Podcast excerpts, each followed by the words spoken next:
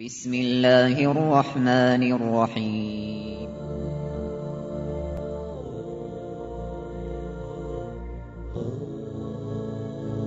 الرحمن العزيز الرحيم القوي السلام الكريم العظيم البصير العليم الحكيم الجبار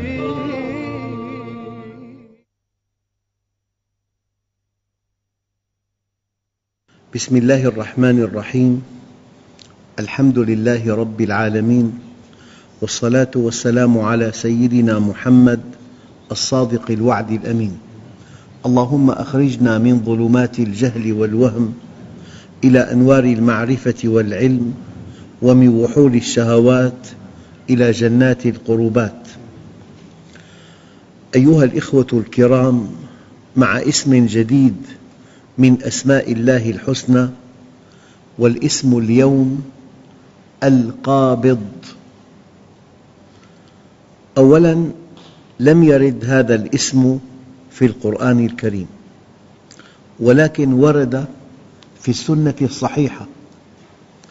يقول عليه الصلاة والسلام إن الله هو المسعر القابض الباسط. الرازق وإني لأرجو أن ألقى الله وليس أحد منكم يطالبني بمظلمة في دم ولا مال. يعني حينما يسعر ولي الأمر تسعيراً يظلم به البائع أو حينما يبيع التاجر بيعاً فيه غبن فاحش هناك ظلم. مرة البائع يظلم ومرة المشتري يظلم. لذلك يقول عليه الصلاة والسلام إن الله هو المسعر القابض الباسط الرازق. وإني لأرجو أن ألقى الله وليس أحد منكم يطالبني بمظلمة في دم ولا مال.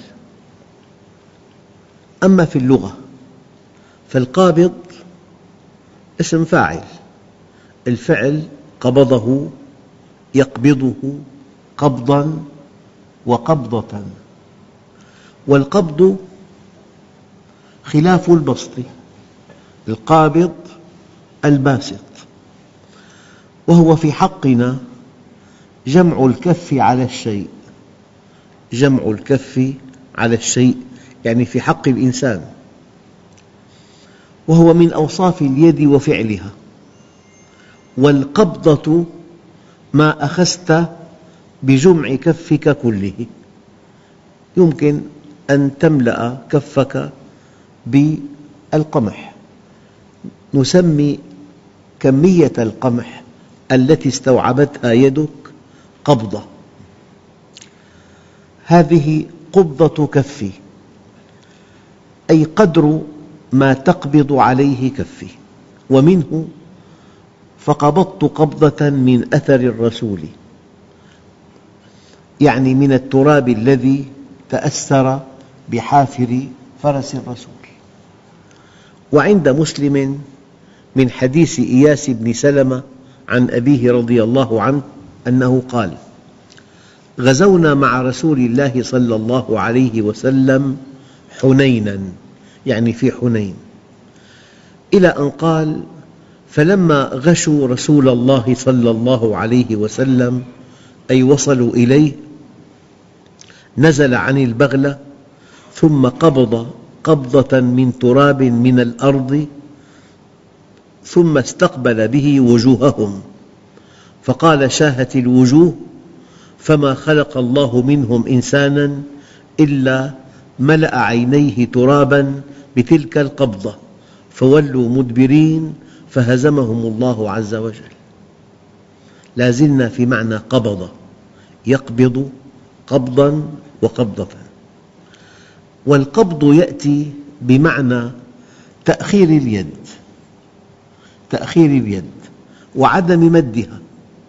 قبض يده أي أخرها أبعدها. كما ورد عند النسائي من حديث عائشة رضي الله عنها أن امرأة مدت يدها إلى النبي صلى الله عليه وسلم بكتاب فقبض يده. فقالت يا رسول الله مددت يدي إليك بكتاب فلم تأخذه؟ فقال إني لم أدري أيد امرأة هي أو رجل. أيها الأخوة هذا المعنى الدقيق في قبض يد النبي عن أن تمس يده يد امرأة ينقلنا إلى حكم فقهي في موسوعة الفقه الإسلامي الكويتية ما نصه؟ وأما مصافحة الرجل للمرأة الأجنبية الشابة فقد ذهب الحنفية والمالكية والشافعية والحنابلة في الرواية المختارة إلى تحريمها. وقال الحنابلة وسواء أكانت من وراء حائل كثوب ونحوه أم لا. واستدل الفقهاء على تحريم مصافحة المرأة الأجنبية الشابة بحديث عائشة رضي الله عنها قالت والله ما مست يد رسول الله صلى الله عليه وسلم يد امرأة قط يعني امرأة أجنبية. الحقيقة مرة كنت ألقي محاضرة في أمريكا في ديترويت وجاءني سؤال من أخت كريمة تسأل عن حكم المصافحة. هي طبيبة تعمل في المستشفى. قلت لها الملكة إليزابيث لا يصافحها إلا سبعة رجال من رعاياها لعلو مقامها في مجتمعها بحكم القانون البريطاني. والمرأة المسلمة ملكة أيضا لا يصافحها إلا سبعة من محارمها لعلو مقامها في مجتمعها بحكم القانون القرآني. فهذا الجواب أعجبها كثيرا وقبلته سمعت قصة في بلد عربي استقبل وزيرة فكان الوزير المسيل لها في المطار مع كبار موظفيه. أحد هؤلاء الموظفين لم يصافحها يبدو أنه ملتزم متفوق جدا في اختصاصه لكنه ملتزم. يعني فضلا عن أنه متفوق ملتزم. فما صافحها. فالوزير المضيف انزعج جدا منه وعنفه وأعفاه من حضور مأدبة الغداء. هذه الوزيرة الضيفة سألت الوزير المضيف هناك موظف كبير عندك لم يصافحني. أين هو؟ قال والله لعله اعتذر وصرفه من انزعاجه. فقال أريد أن أراه. أصرت على ذلك. فطلب أن يحضر. حضر. قالت له لم لم تصافحني؟ قال أنا مسلم متمسك بمنهج الله. ونحن في هذا المنهج لا نصافح امرأة أجنبية. فسمعت شرحه. وتأثرت تأثرا بالغا وقالت للوزير المضيف لو أن المسلمين أمثال هذا الموظف لكنا تحت حكمكم. الآن لما يسافر إنسان إلى بلد بعيد يريد أن يأخذ وكالة يمتحن امتحان في دينه فإن كان متمسكا أعطوه الوكالة. لأن الإنسان حينما يتمسك بمبدأ معنى إنسان ينطلق من قيم. على كل لا زلنا في اللغة. قبضت الشيء قبضا يعني أخذته. والقبض قبولك المتاع. يعني رأيت المتاع فاستلمته ولو لم تحوله إلى مكانه. صار في تقابض. والقبض أيضا تحويلك المتاع إلى حيزك أي إلى مستودعك. فالقبض قد يكون بالعين رأى البضاعة تفحصها بعينه فقبضها وقد يكون القبض أن ينقلها إلى مستودعه. وصار الشيء في قبضتي أي في ملكي وقبض المريض إذا توفي أو أشرف على الموت. وعند البخاري من حديث أسامة بن زيد رضي الله عنه أنه قال أرسلت ابنة النبي صلى الله عليه وسلم إلى أبيها إن ابنا لي قبض فأتنا. أرادت أنه في حال القبض على وشك القبض ومعالجة النزع. وقال تعالى في وصف المنافقين ويقبضون أيديهم أي يبخلون أي يقبضونها عن النفقة والصدقة فلا يؤتون الزكاة. هذا ما ورد في معاجم اللغة عن القابض. أما الله جل جلاله هو القابض الذي يمسك الرزق وغيره من الأشياء. عن العباد بلطفه وحكمته. يمسك الأرزاق عن العباد بلطفه وحكمته. ويقبض الأرواح عند الممات بأمره وقدرته. ويضيق الأسباب على قوم ويوسع على آخرين ابتلاء وامتحانا. وقبضه تعالى وإمساكه وصف حقيقي لا نعلم كيفيته. يعني تجد بلاد تنعم بأمطار غزيرة والنباتات تنمو. في بلاد أخرى أمطارها قليلة والنبات يموت.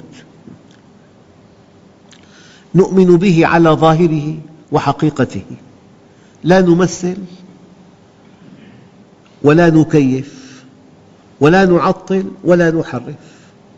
فالإيمان بصفات الله فرع من الإيمان بذاته والقول في صفاته كالقول في ذاته لأننا ما رأينا الله تعالى وما رأينا لذاته مثيلا فهو أعلم بكيفية قبضه وبسطه وإمساكه وأخذه ولا داعي للتأويل الذي انتهجه المتكلمون بكل سبيل. فنؤمن هذا من من العقيدة الصحيحة. فنؤمن بما أخبر الله جل جلاله بلا تمثيل ولا تعطيل. وهكذا كان اعتقاد الأمة في جميع الصفات والأفعال. قال تعالى وما قدروا الله حق قدره والأرض جميعا قبضته يوم القيامة والسماوات مطويات بيمينه سبحانه وتعالى عما يشركون.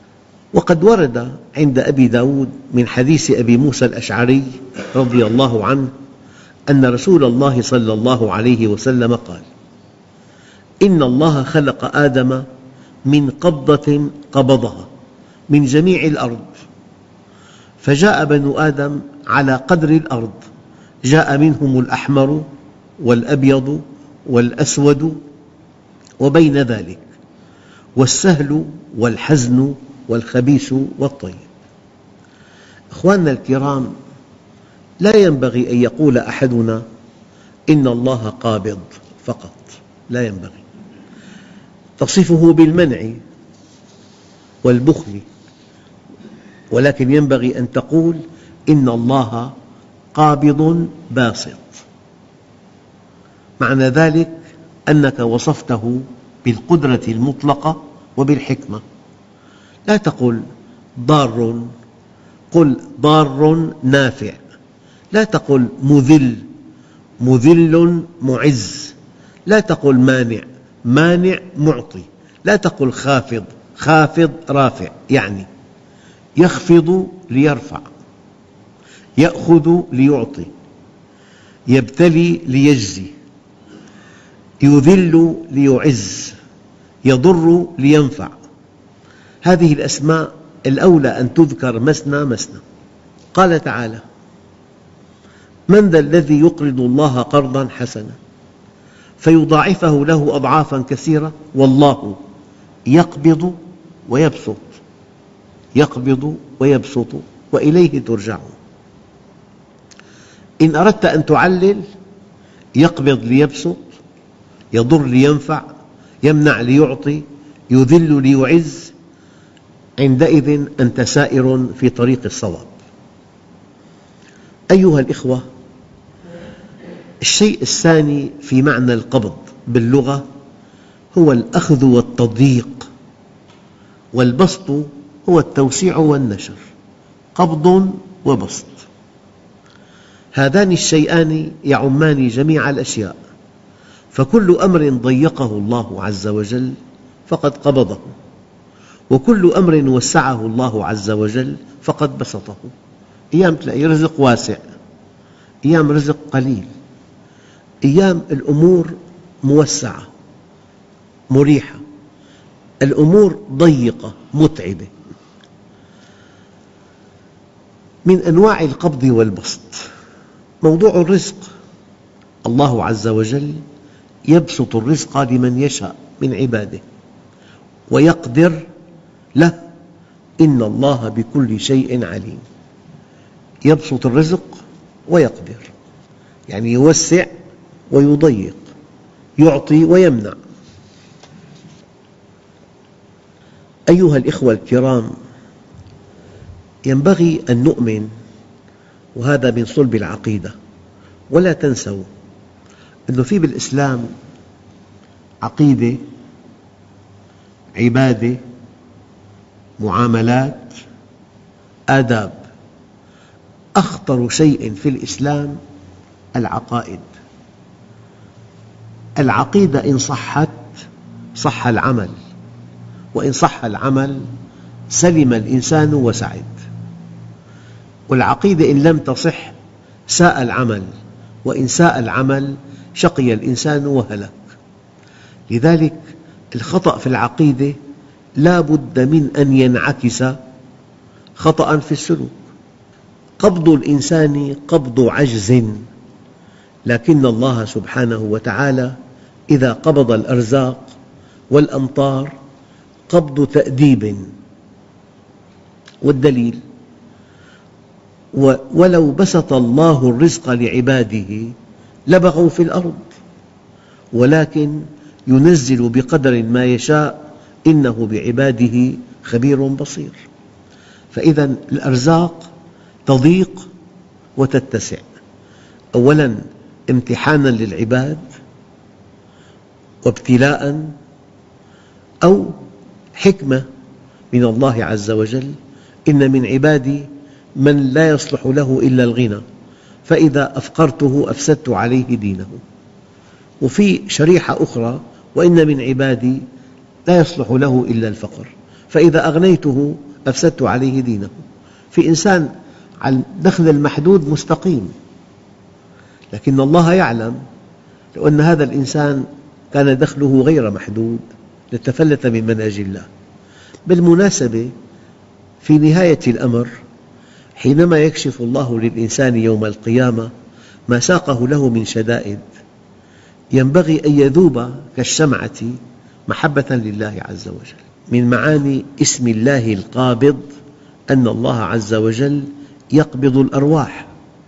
فإذا قبض روح الإنسان يعني أماته وإذا بسط روحه يعني أحياه.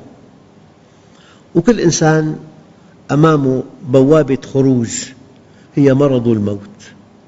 لكل داء دواء لكل داء دواء من دون استثناء. أو ما من داء إلا له دواء. وهذا الحديث إذا سمعه المريض هذا الحديث إذا سمعه المريض امتلأ قلبه تفاؤلا بالشفاء. ما من داء إلا وله دواء. وإذا سمع هذا الحديث طبيب يشعر بالتقصير إن لم يكتشف الدواء لداء ما إذا هو يحث الطبيب على اكتشاف الدواء ويملأ قلب المريض ثقة بالشفاء. هذا من الأحاديث الرائعة التي تملأ نفس المريض ثقة بالشفاء وتدفع الطبيب إلى البحث عن الدواء. أيضا من معاني اسم القابض أنه يقبض الأرض.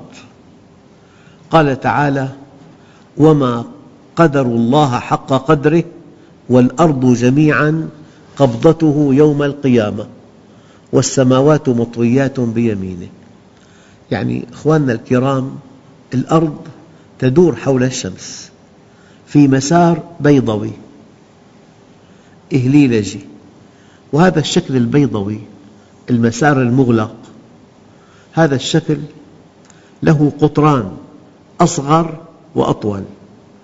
فإن كانت الأرض في القطر الأطول واتجهت نحو القطر الأصغر المسافة سوف تقل بينها وبين الشمس. هناك احتمال أن تنجذب إلى الشمس.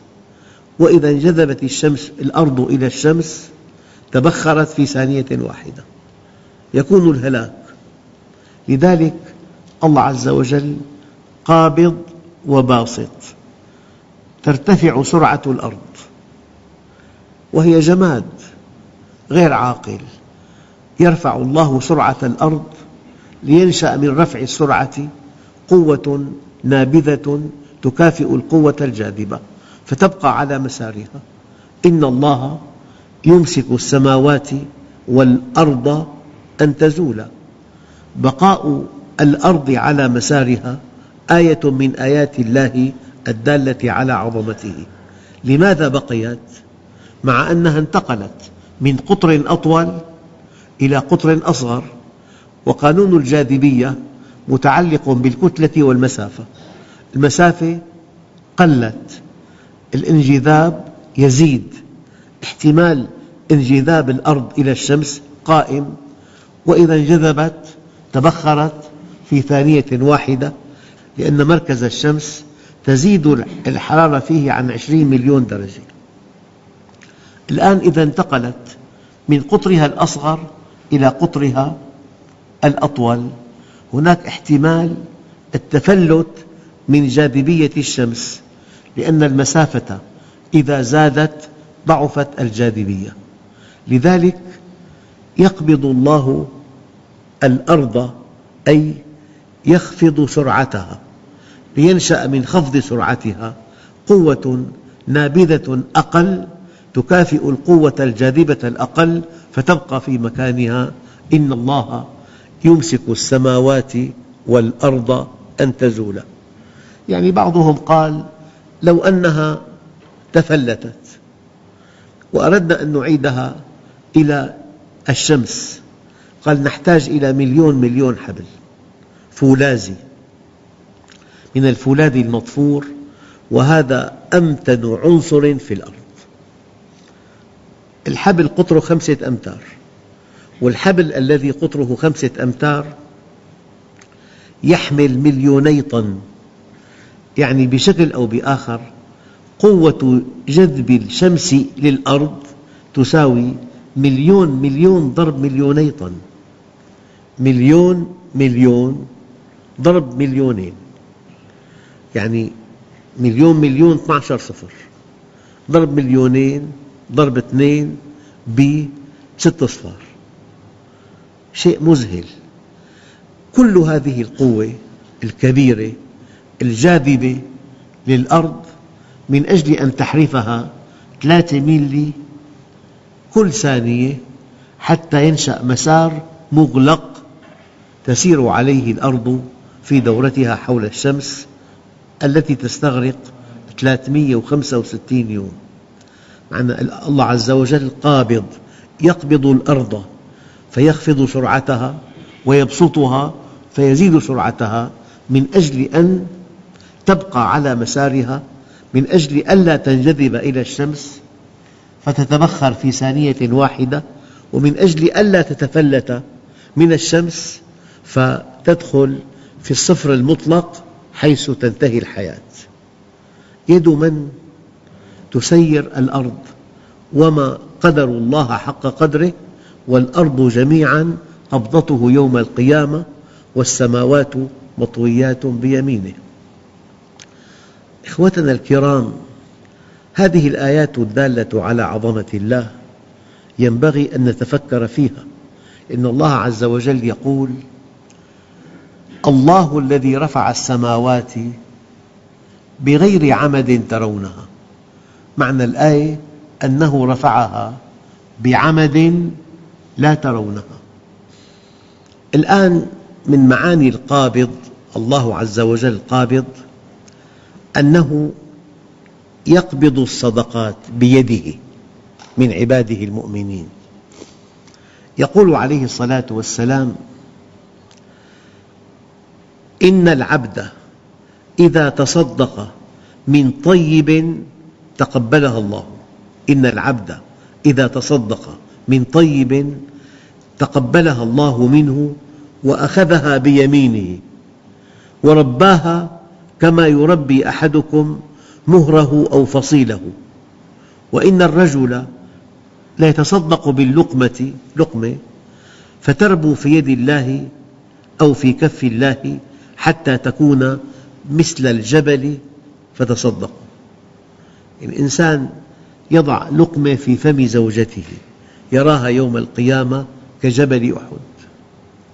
إذا الله عز وجل قابض يقبض صدقة المؤمن الذي أنفقها من مال حلال بيمينه.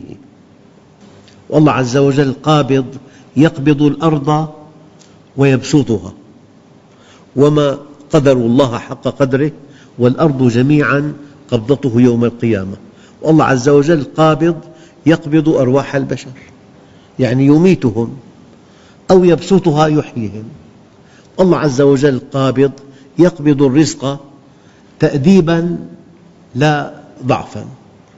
هذه كلها من معاني اسم القابض. والله عز وجل يعني قابض بمعنى مربي. عفوا المركبة السيارة. لماذا صنعت؟ صنعت لتسير لكن فيها مكابح. المكابح تتناقض مع علة صنعها. هي صنعت من أجل أن تسير والمكبح يوقفها لكنه ضروري جدا لسلامتها.